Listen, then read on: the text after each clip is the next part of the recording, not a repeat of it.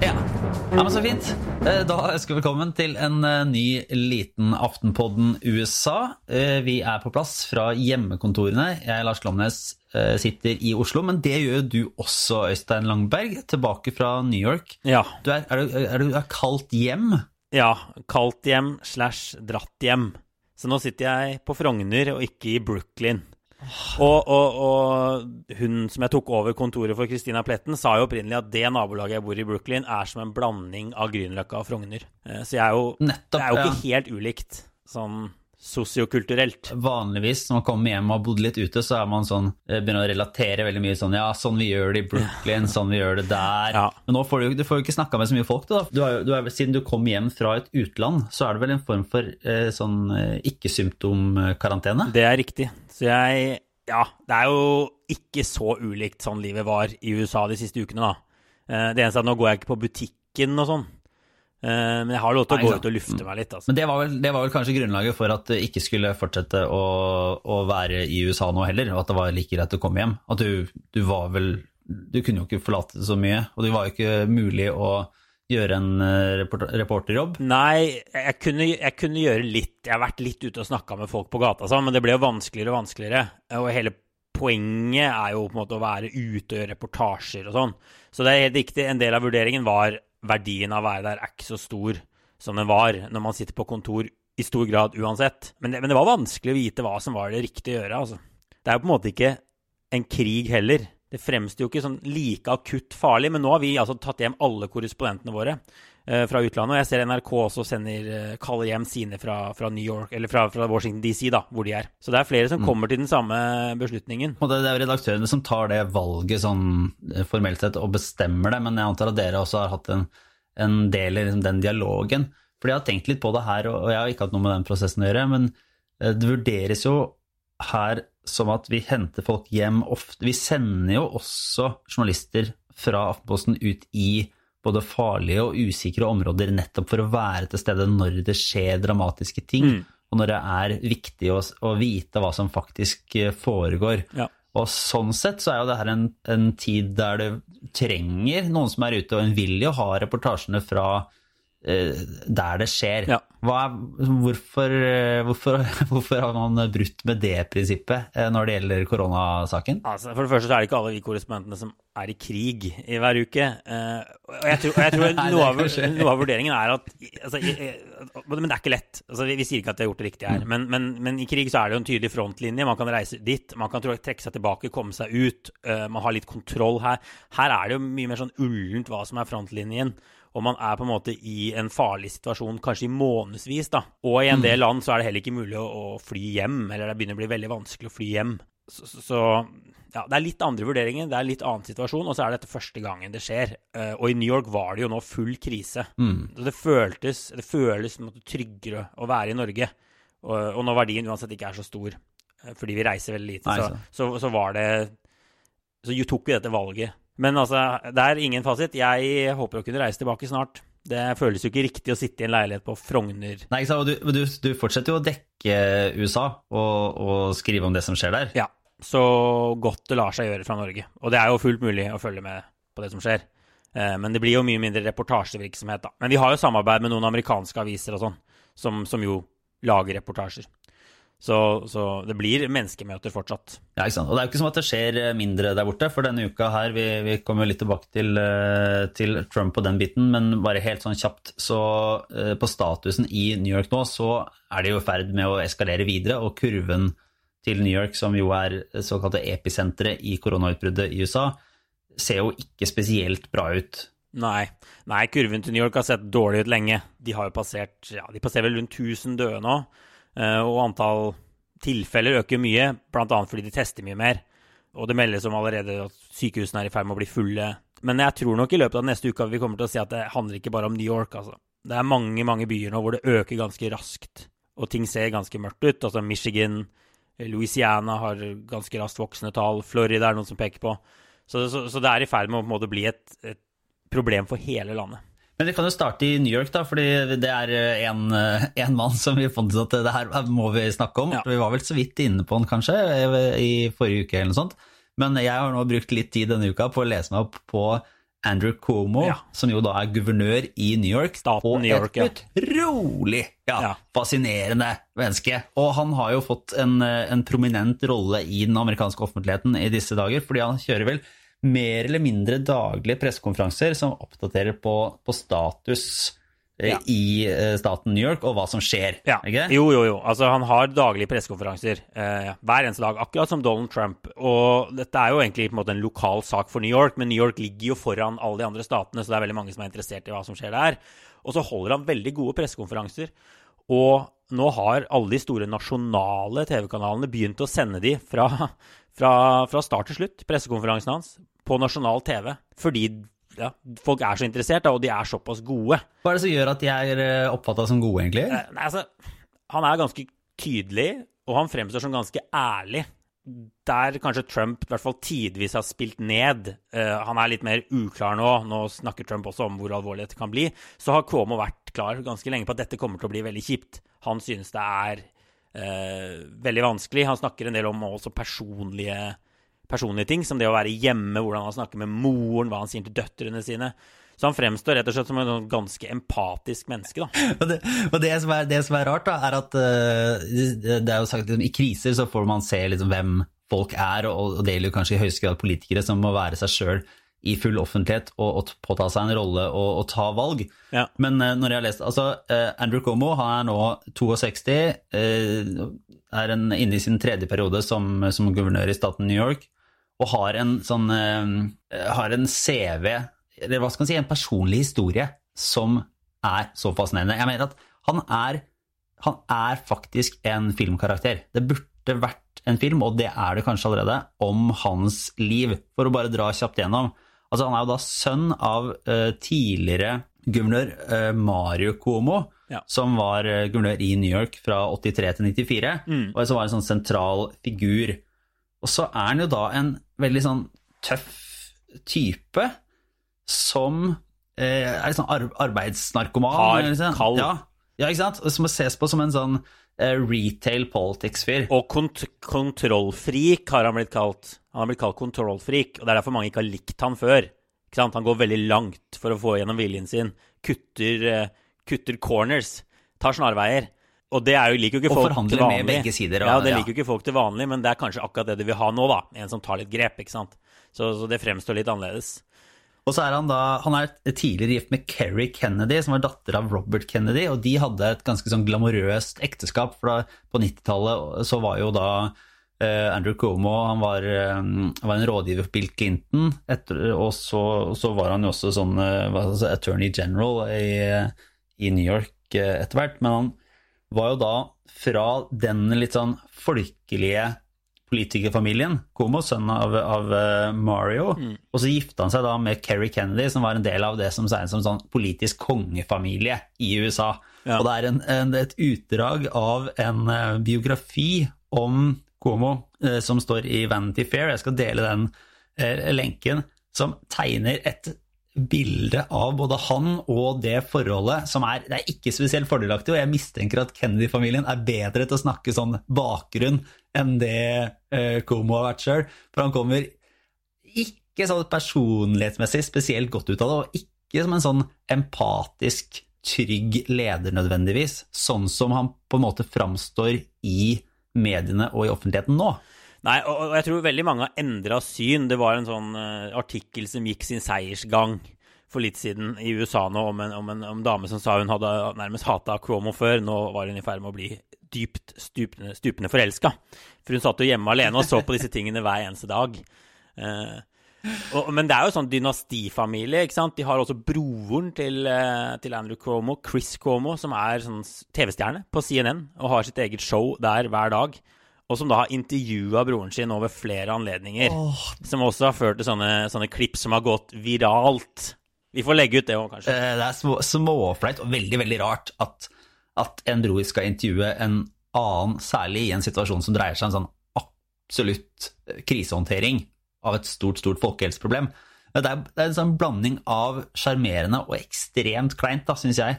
Der de begynner å snakke om eh, at, eh, hvem, som bør, hvem som er liksom, eh, morens favorittsønn, og hvem som må ringe hjem, og der Og da får jeg ganske nok sånn underveis. Men du er ikke amerikaner, vet du. Når man ser på amerikanerne, så, så er jo uh, altså Andrew Cuomo mer populær enn noen gang.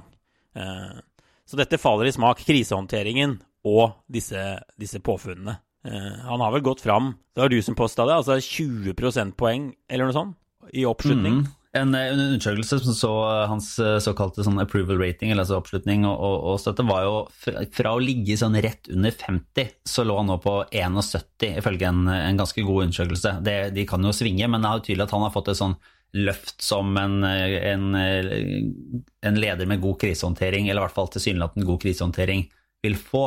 Ja. Og, der kommer han jo fram på, på å være litt sånn beslutningsdyktig, uh, være tydelig. Og det, og det, er interessant, altså Hele denne krisen har vist, eh, liksom fått frem guvernørenes rolle.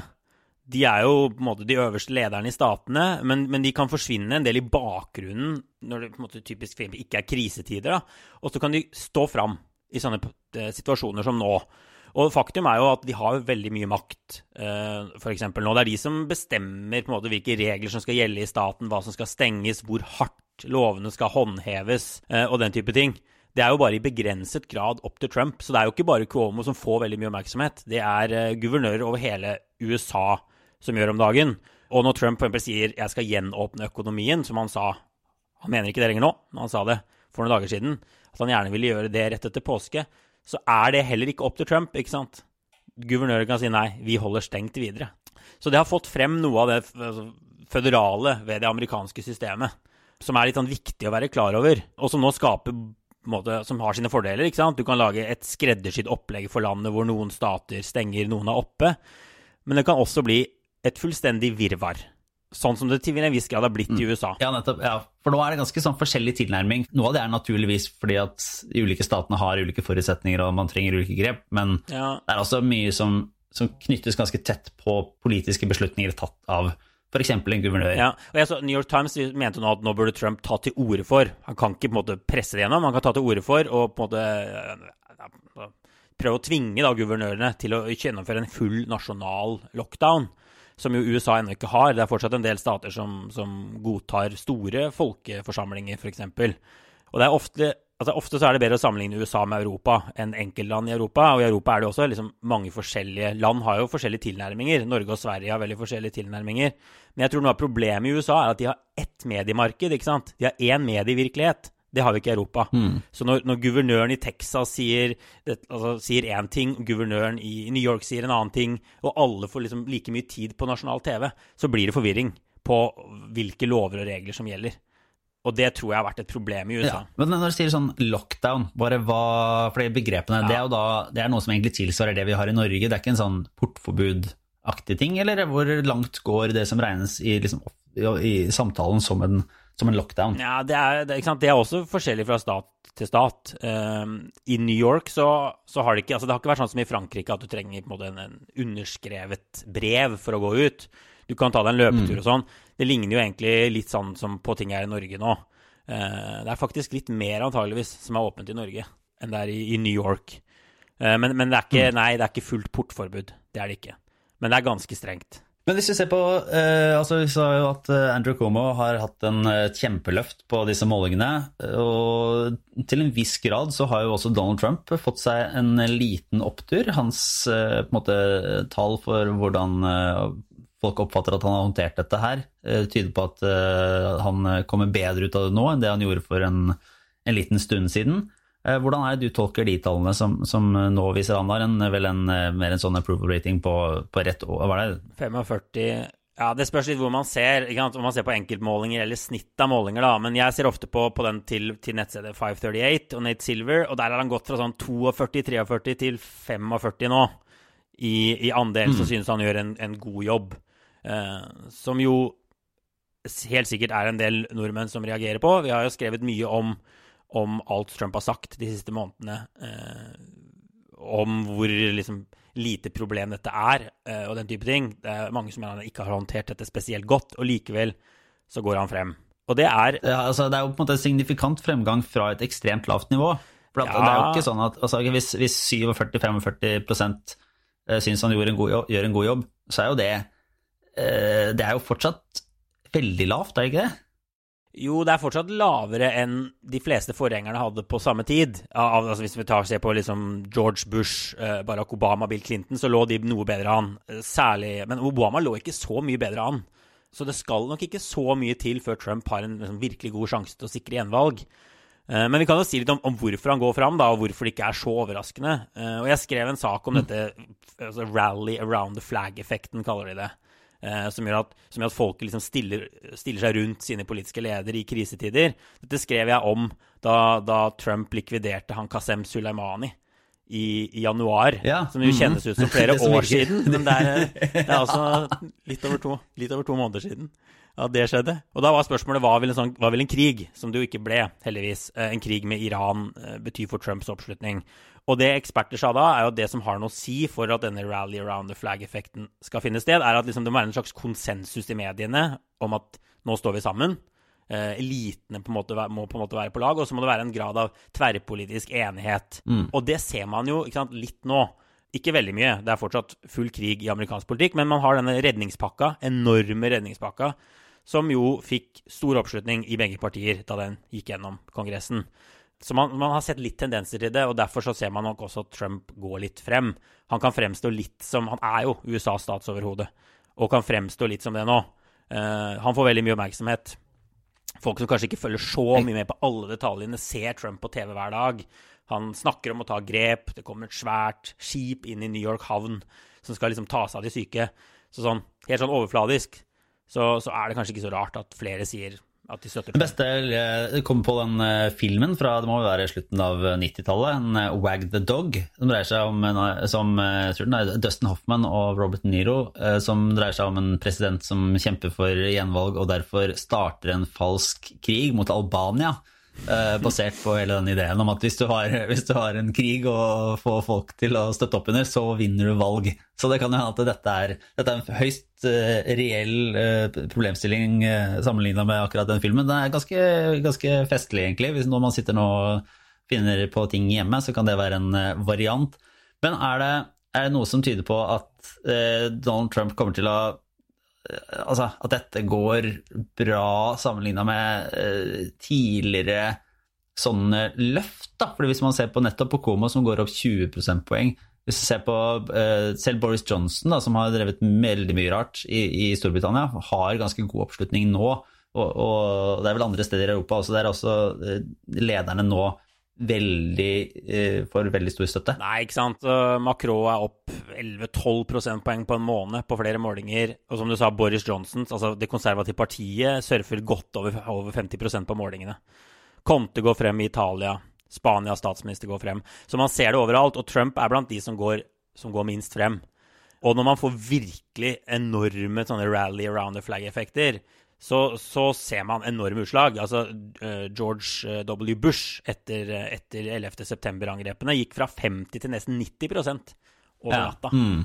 Enorme utslag. Så da, sånn, da er det, det utslaget Trump får, eh, bare, bare, småtterier. Men, men, så er det også mange som sier at man får ikke så store utslag lenger. USA er altfor splitta til at det er mulig. Da Obama tok ut uh, Osama bin Laden, så gikk han opp noen få prosentpoeng bare, uh, for eksempel som jo skulle være en sånn type hendelse hvor man skulle forvente at hele, hele nasjonen på en måte kom rundt han. Og et siste poeng, uh, et siste poeng er jo at uh, denne effekten antageligvis er sterkest nå. Og så har USA en del dårlig nytt i vente når man ser på dødstall og smittetall og sånn. Så, så, det er jo å forvente Man ser jo alltid at den effekten ebber ut. Det gjorde den jo også. Ja, siden Irak-krigen ble ikke hans Det, det fortsatte så, ikke å være ja, det var lov å si, Krigføringen hans Det var ikke noe sånn veldig vellykka prosjekt på lang sikt for, for, Bush heller. Men vi fikk jo litt kritikk fra, fra enkelte lyttere da, i forrige uke fordi vi på en måte mente at, eller nevnte at Trump hadde foretatt en liten sving i en retning som tok eh, koronapandemien på, på større alvor, og så gikk det én dag og så var Trump i gang med den der dette, Vi håper det kan være over innen påske. Ja, hvorfor påske? Nei, fordi da det ville vært så fint å ha fulle kirker i høytiden og, og, og sånne ting. Og ja, det, det, går eh, to skritt frem og minst ett tilbake, da, stadig vekk her. Eh, men hvis vi skal ta en liten situasjonsrapport på Donald Trumps nivå nå de siste dagene, Øystein, hvordan vil du si at han ligger an? Nei, altså, han har jo erkjent at dette kan vare lenger og bli vesentlig verre. Nå har han snakket om at 100 000 døde vil være eh, liksom et ganske, ganske, suksess. Altså, det kan bli vesentlig verre enn det. Så han, han sier jo jevnlig ting som, som gjør at han, det viser at han tar dette mer alvorlig. Men, men Trump, ja, som du sier, det er, endrer seg fra minutt til minutt. Jo, han hadde jo en lang Twitter-tråd her om dagen om hvor utrolig gode seertall det var på disse koronabrifene hans. Eh, de knuste liksom selv de beste sportsarrangementer. Eh, som jo vitner om at han også er opptatt av andre ting fortsatt. Eh, og som kanskje ikke er så betryggende. Det er ikke så rart at folk tuner inn til, det, til den største krisa på mange tiår, kanskje. Eller på hvert fall på lang tid i USA og se på Nei, hva er har å si. Det ikke så mye om hans uh, vidunderlige egenskaper som at folk faktisk uh, ja, er både bekymra for det han kan komme til å si, og interessert i å vite hva som skjer. Så, men vi får se. Jeg tror vi fortsetter inn i en uh, liten runde med obligatorisk refleksjon. Ja. Og da kan jo jeg egentlig fortsette. Det er veldig vanskelig å forsvinne helt fra koronakrise om dagen, merker jeg. Det det, det, klar, det, det er, nesten helt umulig. Det er litt sånn eh, tekster man leser, ting man ser Det forsvinner inn i den der store, store sekken der. altså Det er det det dreier seg om. Men dette er i hvert fall i periferien. Så, så leste jeg en, en, kommentar av Amanda Hess i, i New York Times om en, en utvikling hun mente å se, som dreide seg om hvordan kjendisenes rolle endrer seg nå under koronakrisa. For uh, det ser på at måten de nå Altså deres posisjon blir litt annerledes når de nå Som en sånn uh, en kobling mellom vanlige folk og uh, rikfolk og eliter, da. Og der de vanligvis kan spille på folks håp og drømmer om å lykkes i livet eller å vinne fram, at hvis du står på eller kan noe godt, så får du en god posisjon. Så er den derre rollen som en Eh, delvis moralsk eller sånn samfunnsaktør nå, der du skal være en sånn pådriver for ja, stå sammen og komme med, og her er vi innelåst, og her, dette gjør vi i karantene og allting. Det viser veldig tydelig at kjendisene lever et helt annet liv, da. Det er vanskelig å finne en tone og en, eh, en måte å håndtere det på som ikke skjærer ganske falskt i ørene på eh, særlig amerikanere som har en mer uttrykk hverdag, enda mer uttrykk, mer uttrykk hverdag enn det vi har i, i Norge.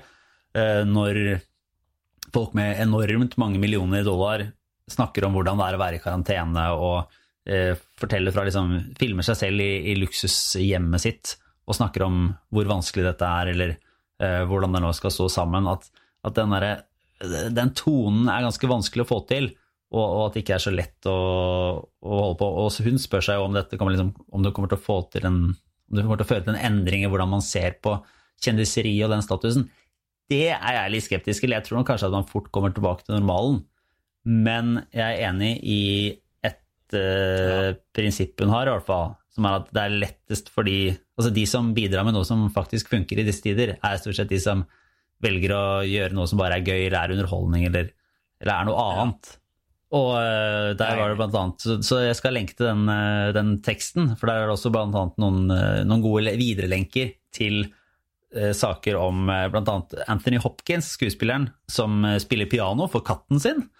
Så det er bare weirdness og humor og fin kunst fungerer kanskje bedre enn i hvert fall sånn klaging fra palasset sitt på hvordan ting foregår. Så det var en liten, Den teksten er god og interessant å lese. Amanda Hess, jeg skal dele den også. Liten moralpreken til kjendisverden. Ja. Det er bra. Jeg, jeg, har også en kjendis-OR i dag. Da jeg, til, da jeg skulle flytte til Park Slope, som er mitt nabolag i Brooklyn, så, så var min forgjenger Christina Plettens innsalg da jeg skulle ta over leiligheten hennes, at det er bra nabolag for kjendisspotting. Um, jeg er ganske dårlig til å se kjendiser, så jeg har ikke sett så veldig mange til nå. Men hun hadde sett han Steve Buccimi blant annet, på den kaffesjappa rett rett utenfor leiligheten. Det er, det er, bra navn, da. Det er, det er, det er en ordentlig sånn klassisk uh, kjendis å se. Uh, hun hadde flere sånne historier. Ja, det er svært uh, Ja, det er stor, stor, stor kjendis. Um, og jeg har jo mer oppsøkt politiske kjendiser, da. Jeg har jo blant annet denne selfien som ligger på Instagram, hvor det ser ut som jeg er på byen med Pete Buttigieg og sånn. Um, som jo kanskje kan bli mhm. president en, en vakker dag. men, men, men, her om dagen så fikk jeg kjenne litt på det, fordi jeg var ute og gjorde en liten rep før jeg dro hjem til Norge. Og gikk på lekeplassen, som også ligger rett utenfor leiligheten, uh, og intervjua en fyr som var ute med, med, ungene sine. Den var på trykk her om dagen, saken. Og uh, Som kalte seg eiendomsmegler, og vi snakka ganske lenge. Uh, og så glemte jeg å spørre ham hvor gammel han er, og det pleier vi å gjøre når vi lager reportasjer. Og så kom jeg hjem og så googla jeg for å se liksom, ligger noe info på nettet. Og så da dukker det opp selvfølgelig en Wikipedia-side om denne fyren. Uh, som viser seg, i tillegg til å være eiendomsmegler, å være skuespiller. Han har vært statist i Gossip Girl, blant annet. Uh, ikke veldig kjent navn. Og stemmeskuespiller en hel haug sånne japanske manga-filmer. Eh, og så har han vært programleder i et eiendomsmegler-reality-konkurranseprogram. Du vet disse hvor de selger hus, hus og alt mulig sånn. Uh, som var liksom litt sånn sjokkartet var... opplevelse. For, det, for burde, jeg, burde, jeg, visst hvem han var? Vet alle i nabolaget hvem han er? Uh, jeg vet ikke. Jeg gjorde det ikke. Ja, Hvis du har Steve Buscemi i ene enden, da, som en sånn på den globale kjendisskalaen, så er han en syver og åtter, kanskje, innafor. Det er fortsatt ja. litt nisjete, men det er i hvert fall sånn ok, verdenskjent. Han med trynet der, han har alle sett. Han eiendomsmegleren som har vært sånn statist i noen filmer, det er fortsatt Det er liksom Det er, det er toernivå, da. Og stemmeskuespiller. Og stemmeskuespiller, ja. Ja, ja, det, nei, det er helt sant. Tror, men det er er mange sånne i USA. Det er mulig at lista for å lage seg en Wikipedia-side også ligger litt lavere enn, enn den gjør i Norge. Eh, men det underbygger i hvert fall påstanden om at dette nabolaget florerer med sånne halvkjendiser, avdanka band, eh, vokalister, eh, den type ting. da. Så jeg skal holde øynene ja. åpne og oppdatere ja. lytterne når jeg er tilbake, som jeg håper ikke er så fryktelig lenge til. Ja, det, Vi ville kunne hatt en sånn slags adelskalender for kjendiser som du har sett i nabolaget. Så kan vi, da, ja. da, kan alle føres opp på en skala, og da, da, da har du foreløpig da har du en start da, i si, den ene enden, og så kan du vel, eh, kan vel bare bygges oppover.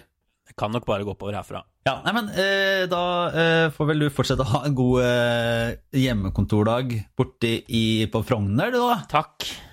Det er i hvert fall ikke noe tidsforskjell å, å, snakke om, og så prøver vi å komme tilbake snart. Det blir vel mer enn en uke til du eh, får reist tilbake til USA, for tenke. Men vi har vel snakka om å, å, få til litt, sånn annen, litt flere temaer fra den amerikanske virkeligheten, og kanskje få med oss Kristina Pletten igjen, som nå er kommentator og er tidligere korrespondent i New New ja. York, der du vanligvis bor.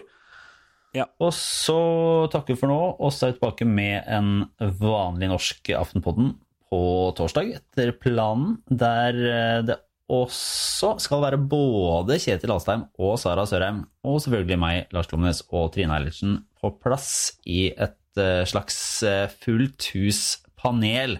Så får vi bare se om koronavirkeligheten tillater sånt. Det er mye som skjer, men vi satser i hvert fall på det. Så tusen takk, Øystein. Vi eh, snakkes eh, snart, og så er vi tilbake med Aftenposten eh, hvert øyeblikk. Ha det bra. Ha det. Ha det.